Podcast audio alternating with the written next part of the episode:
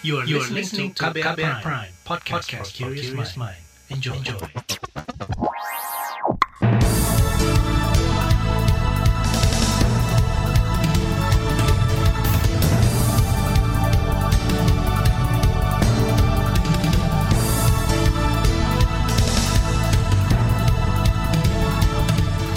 Selamat pagi saudara, senang sekali kami bisa menjumpai Anda kembali melalui program Buletin Pagi edisi Senin 29 Maret 2021. Bersama saya Malika, sejumlah informasi pilihan telah kami siapkan di antaranya teror bom di Makassar, Polri waspadai serangan susulan, pemerintah diminta keluarkan perpres larangan mudik lebaran. Anies Baswedan buka peluang berlakukan surat izin keluar masuk saat mudik lebaran. Inilah Buletin Pagi selengkapnya. Terbaru di Buletin Pagi. Saudara Minggu pagi 28 Maret 2021 sekitar pukul 10.35 waktu Indonesia Tengah terjadi ledakan di pintu gerbang kat Gereja Katedral Makassar, Sulawesi Selatan. Ledakan yang diduga ledakan dari aksi bom bunuh diri membuat jemaat yang baru saja selesai menggelar ibadah panik dan berusaha menyelamatkan diri. Salah satu saksi mata, Yosia, mengatakan ia sedang bekerja tak jauh dari lokasi kejadian saat ledakan terjadi. 10.30 yeah. setengah sebelas. Tadi ledakannya keras ya? Wah keras sekali luar biasa. Yeah. pas dua kali bang bang. Oh langsung terangkat. Terus saya langsung lari keluar saya ke sana saya ajak teman saya dua orang.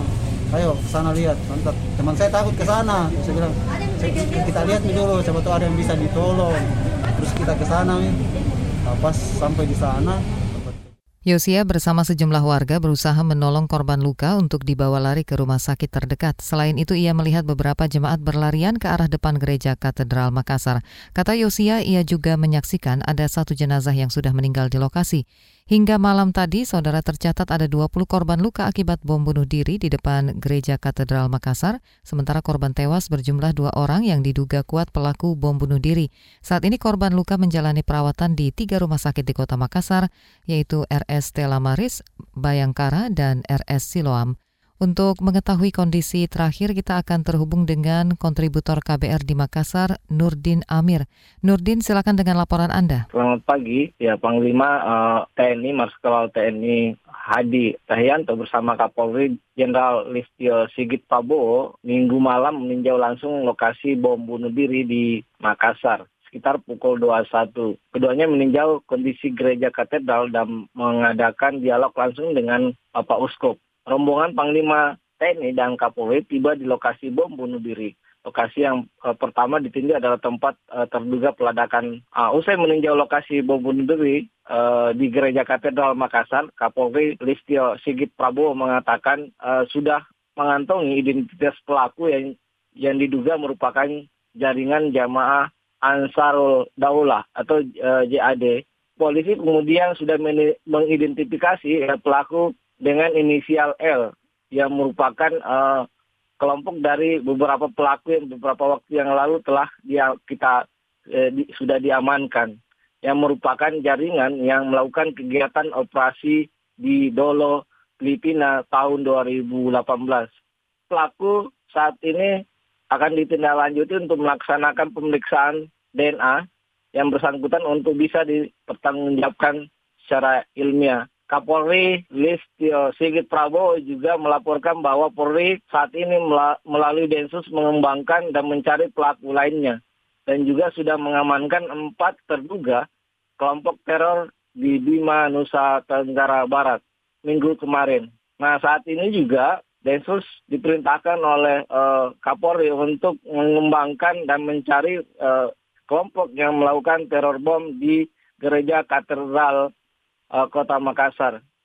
Dan polisi saat ini terus mengikuti gerakan uh, mereka dan sudah memerintahkan Densus dan jajarannya untuk melakukan uh, tindakan apa pun sehingga tidak terjadi ledakan bom kembali.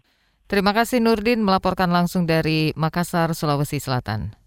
Saudara ledakan bom bunuh diri di Gereja Katedral Makassar menyebabkan rangkaian misa Minggu Palem dibatalkan. Perwakilan Firakis Yudisial Keuskupan Agung Makassar RD Franciscus Nipa meminta seluruh pastor dan umat tetap tenang dan terus waspada.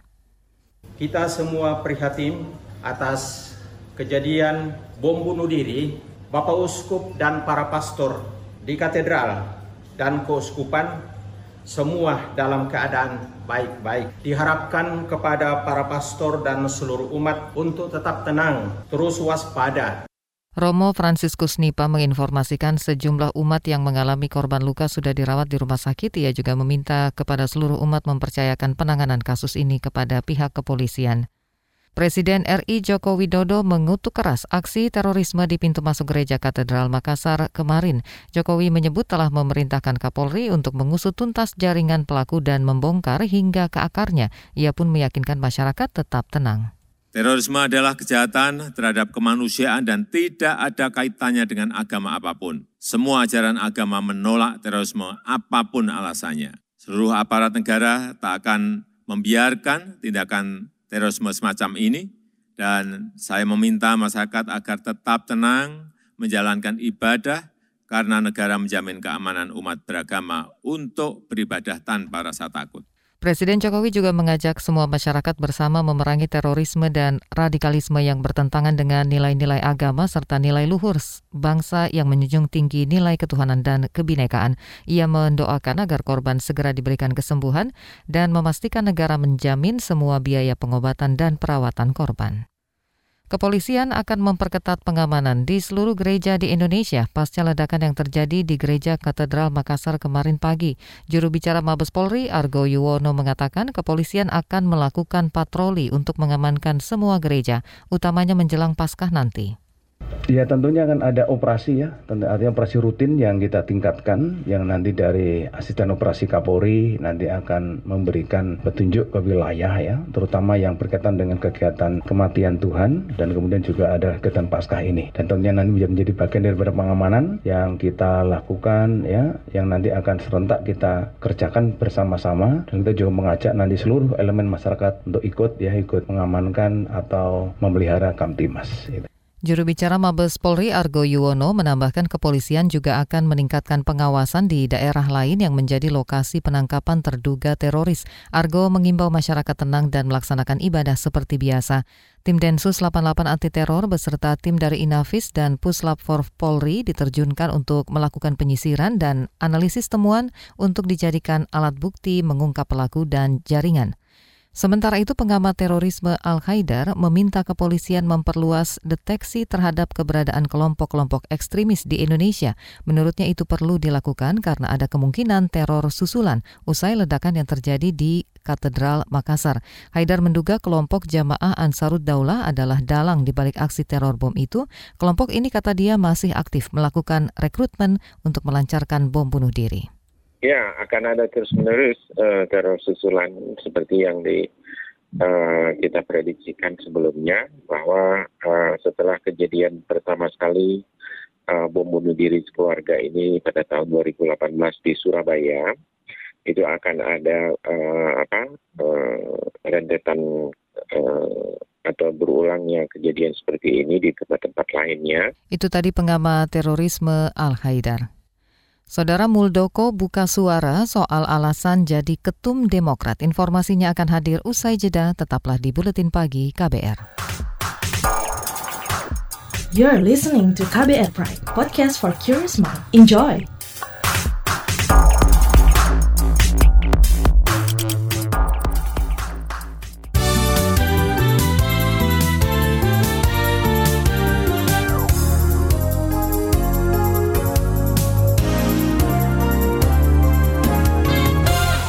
Anda sedang mendengarkan Buletin Pagi KBR. Pemerintah mencatat penambahan kasus harian COVID-19 sebanyak 4.083 kasus pada Minggu 28 Maret 2021. Menurut data BNPB, secara kumulatif sejak kasus COVID-19 pertama diumumkan di Indonesia 2 Maret 2020, hingga hari ini tercatat ada lebih dari 1,4 juta kasus. Jumlah orang yang meninggal akibat COVID-19 juga bertambah 85 orang, sehingga total pasien meninggal akibat COVID saat ini lebih dari 40 orang. Di sisi lain, pasien sembuh juga bertambah sebanyak 4 ribuan pasien. Berdasarkan data, selama 24 jam terakhir pemerintah melakukan pemeriksaan terhadap 42 ribuan spesimen. Pengurus Besar Nahdlatul Ulama PBNU menyebut ikut dalam program vaksin nasional adalah bagian dari melaksanakan kewajiban syariat Islam. Rais Syuriah PBNU Ahmad Isomudin mengatakan hal tersebut karena vaksinasi termasuk upaya menjaga individu dan komunitas dari paparan virus. Uh, karena manusia, alam dunia ini terjadi terdiri dari uh, unsur manusia yang jumlahnya amat banyak. Menjaga nyawa setiap manusia menjadi sesuatu hal yang wajib dilakukan menurut syariat Islam. Itu tadi Rais Syuriah PBNU Ahmad Isomudin. Sebelumnya pemerintah menyatakan sedang berupaya mempercepat program vaksinasi COVID-19. Presiden Jokowi bahkan menargetkan nantinya bisa melakukan 1 juta vaksinasi COVID-19 per hari. Pemerintah diminta menerbitkan peraturan presiden tentang pelarangan mudik lebaran tahun 2021. Pengamat transportasi Joko Setiowarno menyebut berkaca pada libur lebaran tahun lalu, Polri yang memiliki wewenang di jalan raya tidak mampu melarang sepenuhnya mobilitas kendaraan. Ia juga menyebut banyaknya peraturan yang berbeda terkait mudik justru membingungkan masyarakat. Nah, tahun lalu itu setahu saya ada dua SK itu dua aturan, aturan Kementerian Perhubungan, Permenhub, sama aturan dari Gubernur DKI untuk wilayah Jakarta. Nah, ditambah daerah buat sendiri-sendiri. Eh, masyarakat tuh jadi bingung gitu ya. Ini tujuannya juga untuk memaksimalkan apa kepolisian juga dalam bertugas bahwa mereka bekerja itu punya payung hukum. Kan polisi tugas payung hukumnya apa? Ya di atasnya, ya peraturan presiden. Ya peraturan presiden itu hanya satu ketentuan untuk seluruh Indonesia. Selain itu, Joko menilai adanya pengecualian dalam kebijakan pelarangan mudik lebaran seperti tahun lalu justru menimbulkan banyak penafsiran dan penyimpangan seperti potensi terjadinya pungli dan surat keterangan palsu. Untuk itu Joko meminta pemerintah serius melakukan pelarangan tanpa ada pengecualian sehingga akan lebih terasa manfaatnya untuk mencegah penularan kasus COVID-19 di tanah air. Kita ke soal lain, Muldoko buka suara terkait keputusannya menjadi Ketua Umum Partai Demokrat versi Kongres Luar Biasa KLB Deli Serdang. Muldoko mengklaim menerima tawaran jadi Ketum Demokrat karena melihat ada ancaman nasional yang terjadi menjelang Pilpres 2024. Namun ia tak secara gamblang menjelaskan soal ancaman yang dimaksud.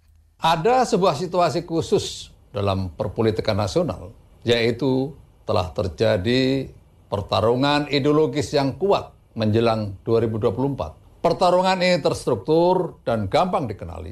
Ini menjadi ancaman bagi cita-cita menuju Indonesia emas pada 2045. Muldoko menambahkan pilihannya memimpin Partai Demokrat juga didasari atas adanya kecenderungan tarikan ideologis di tubuh Demokrat.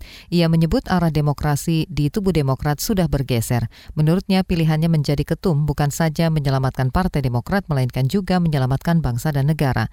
Saudara KLB yang digelar di Deli Serdang 5 Maret lalu memicu polemik karena menetapkan Muldoko sebagai ketua umum menggantikan Agus Harimurti Yudhoyono. Kedua kubu saling mengklaim sebagai kepengurusan yang sah.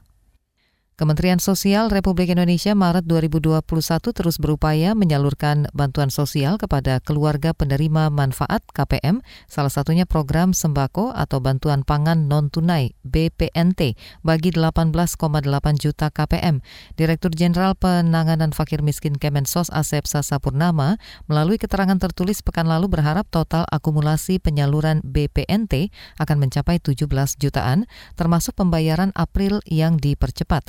Percepatan ini kata dia dimungkinkan atas bantuan dan dukungan Kementerian Dalam Negeri dan pemerintah provinsi serta kabupaten kota yang telah melakukan perbaikan data serta mempercepat proses pemadanan NIK. Kita beralih ke informasi ekonomi. Menteri Pertanian RI Syahrul Yasin Limpo meminta pemerintah daerah terus berupaya menjaga stabilitas harga gabah sesuai ketentuan. Ini menyusul anjloknya harga gabah di bawah harga pembelian pemerintah yang terjadi di hampir seluruh wilayah. Syahrul Yasin juga meminta Bulog maupun pihak lain tidak membeli gabah di bawah HPP. Kita berharap produktivitas bisa tetap menjaga stabilitas harga yang ada sesuai dengan APP pemerintah yang telah kita tetapkan. Tentu sesuai aturan, sesuai aturan. Tentu ada aturan. Di HPP ini jelas aturannya. Oleh karena itu kita seperti rinci aturannya, tapi yang jelas jangan ada yang membeli di bawah HPP. Istilahnya seperti itu. Dan ini kami berharap para gubernur, para bupati, ibu bupati tentu ikut mengawasi seperti apa sehingga uh, memang tidak semudah membalik tangan. Semua harus kerjasama yang baik. Seperti diketahui, Saudara HPP gabah kering giling yang ditentukan pemerintah Rp5.115 per kilogram, sedangkan gabah kering sawah per kilogramnya Rp4.070. Namun para petani di beberapa daerah musim ini justru menerima kenyataan pahit lantaran gabah mereka dibeli jauh di bawah HPP berkisar Rp3.500 per kilogram. Kita ke mancanegara, lalu lintas penyeberangan jalur terusan Suez Mesir tertutup akibat sebuah kapal kontainer Evergreen dengan panjang 400 meter tersangkut pada Selasa lalu. Penyebab terjebaknya kapal ini bukan karena cuaca, tetapi kesalahan teknis. Sebelumnya Mesir sudah mencoba menarik kapal dengan bobot 200, 224 ribu ton tersebut dengan 8 kapal penarik. Dikutip dari kantor berita Reuters, tertutupnya jalur terusan Suez berakibat pada sejumlah sejumlah pelayaran yang terganggu sebab memblokir salah satu jalur air tersibuk di dunia. Kepala Otoritas Kanal Suez Osama Rabi mengatakan lebih dari 300 kapal mengantri di kedua ujung terusan Suez yang menghubungkan Laut Mediterania dan Laut Merah. Kementerian Perminyakan Suriah Basam Tomeh mengatakan pengiriman bahan bakar akan menghadapi penundaan jika penyumbatan di kanal terus berlanjut, kapal mungkin akan melakukan rute ulang di sekitar ujung selatan Afrika. Jalan memutar ini menghabiskan biaya yang tinggi dan bisa berdampak pada tingginya harga minyak. Kita ke informasi olahraga, atlet menembak asal Kabupaten Bekasi, Jawa Barat, Vidya Rafika Rahmatan Toyiba berhasil menyabet medali perunggu dalam kejuaraan dunia menembak ISSF World Cup 2021 di New Delhi, India, 15 hingga 26 Maret lalu. Ketua Umum Perbakin Kabupaten Bekasi, Batong Sulaiman mengatakan Vika merupakan atlet yang tengah menjalani pemusatan latihan nasional cabang olahraga menembak untuk menghadapi Olimpiade Tokyo 2021. Tiket Olimpiade Tokyo didapat Vika saat turun di ajang kejuaraan menembak Asia di Qatar 2019. Setelah hasil impresif itu, rentetan prestasi berhasil diraihnya termasuk dua medali emas saat SEA Games 2019 Manila, Filipina. Selain Vika kata Batong, atlet menembak Kabupaten Bekasi lainnya Lana dan Dominic juga tampil apik di Kejurnas Kasau Cup 2021 yang digelar secara virtual pada Rabu lalu. Keduanya turun di nomor 10 meter air rifle women youth. Saga KBR bertajuk Anak Muda Mataram Melawan Kekerasan Berlatar Agama akan kami hadirkan sesaat lagi. Tetaplah di Buletin Pagi KBR. You're listening to KBR Pride, podcast for curious mind. Enjoy!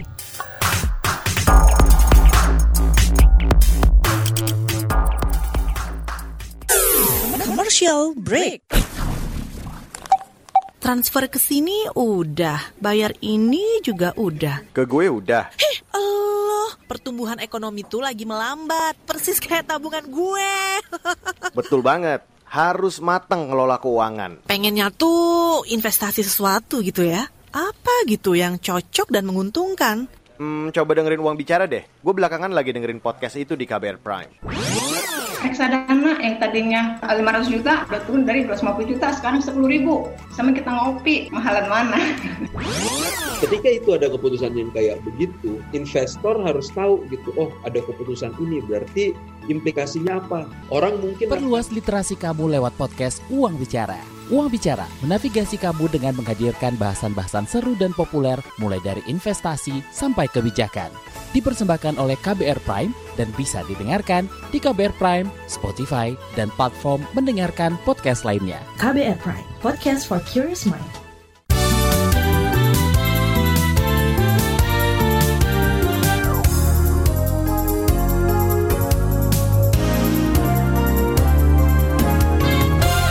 Anda masih bersama kami di Buletin Pagi KBR.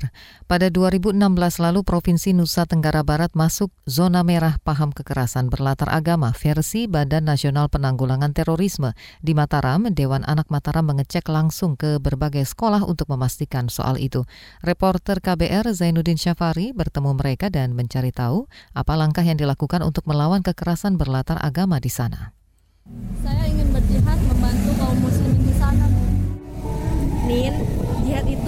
bukan tentang perang saja, tapi bagaimana cara kita menghormati orang tua. Ini adalah cuplikan dari film Jihad, karya Natasha Hadiatullah Buhari. Jadi ada anak sekolahan madrasah gitu namanya Nina.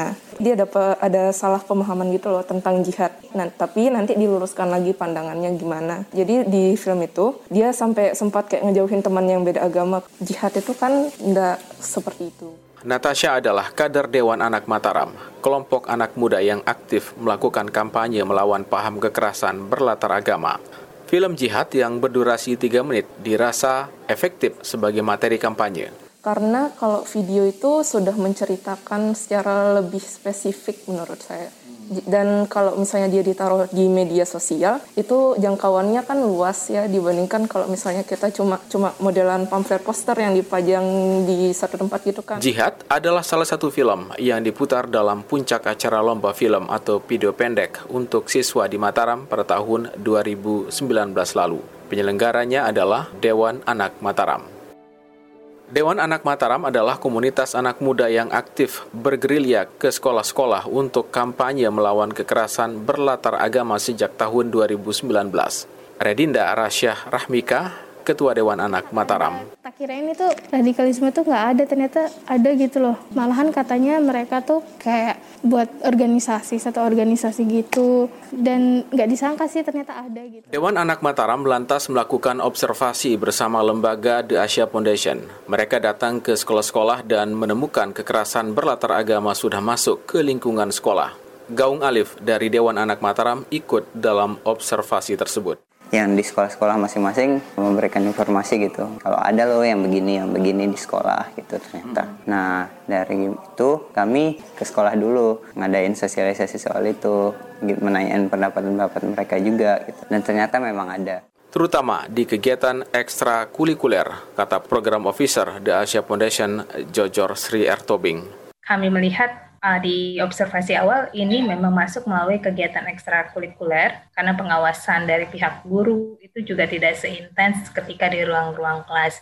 Ya ini sebuah kenyataan atau fakta yang perlu kemudian ditindaklanjuti dari program ini. Dewan Anak Mataram mulai putar otak. Apa yang bisa dilakukan untuk melawan paham kekerasan berlatar agama?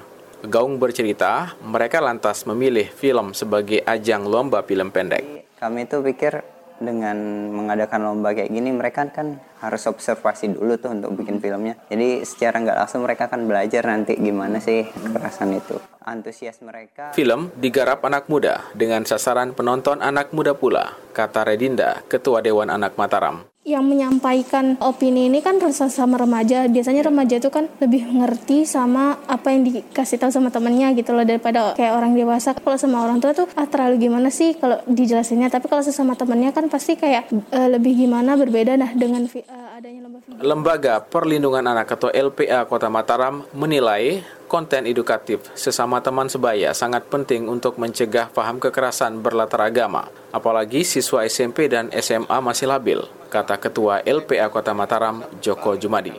Ketika kemudian mereka dari pemahaman yang yang nol, umpamanya dari rumah mereka punya pemahaman yang nol, kemudian e, datang ini pemahaman-pemahaman masuk yang hmm. belum tentu benar, ya. tidak komprehensif, hanya mungkin ayat-ayat tertentu saja yang diambil, ini bisa jadi masalah. Dewan Anak Mataram tetap ingin membuat gerakan terkait dengan upaya menangkal paham kekerasan berlatar agama seperti Dam Goes to School dan lainnya. Namun karena pandemi, ruang gerak masih terbatas.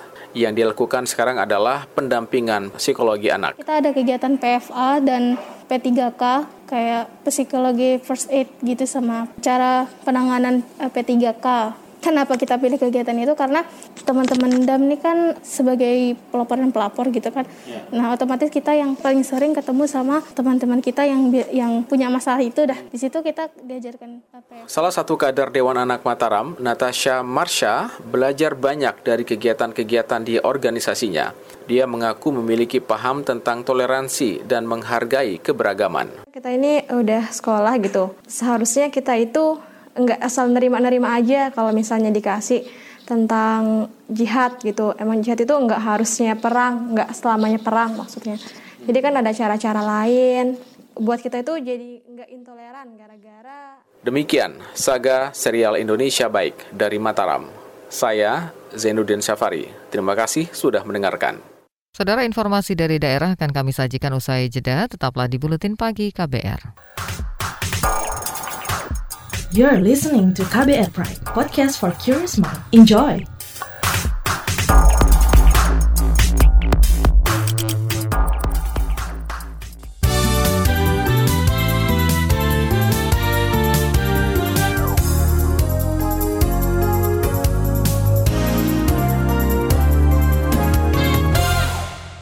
Inilah bagian akhir buletin pagi KBR. Gubernur DKI Jakarta Anies Baswedan membuka peluang memperlakukan kembali surat izin keluar masuk SIKM Ibu Kota bersamaan dengan larangan mudik dari pemerintah pusat.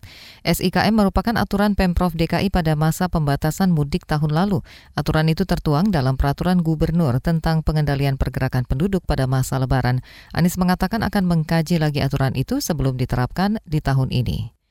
Kita beralih ke Yogyakarta setelah sempat menurun signifikan berkat pemberlakuan pembatasan kegiatan masyarakat, kasus penularan COVID-19 di Kabupaten Sleman kembali naik dalam beberapa hari terakhir. Dikutip dari Antara, juru bicara Satuan Tugas Penanganan COVID-19 Kabupaten Sleman, Syafitri Nurmala Dewi, mengatakan angka kasus COVID-19 harian di Sleman pada awal PPKM Januari 2001 rata-rata 100 kasus.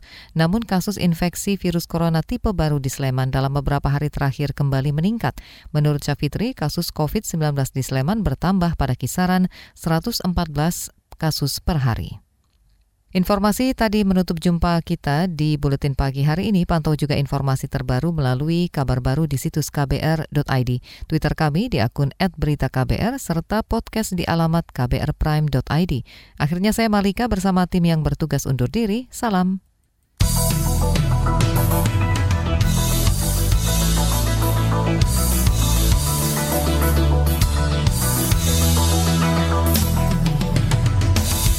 KBR Prime, cara asik mendengar berita.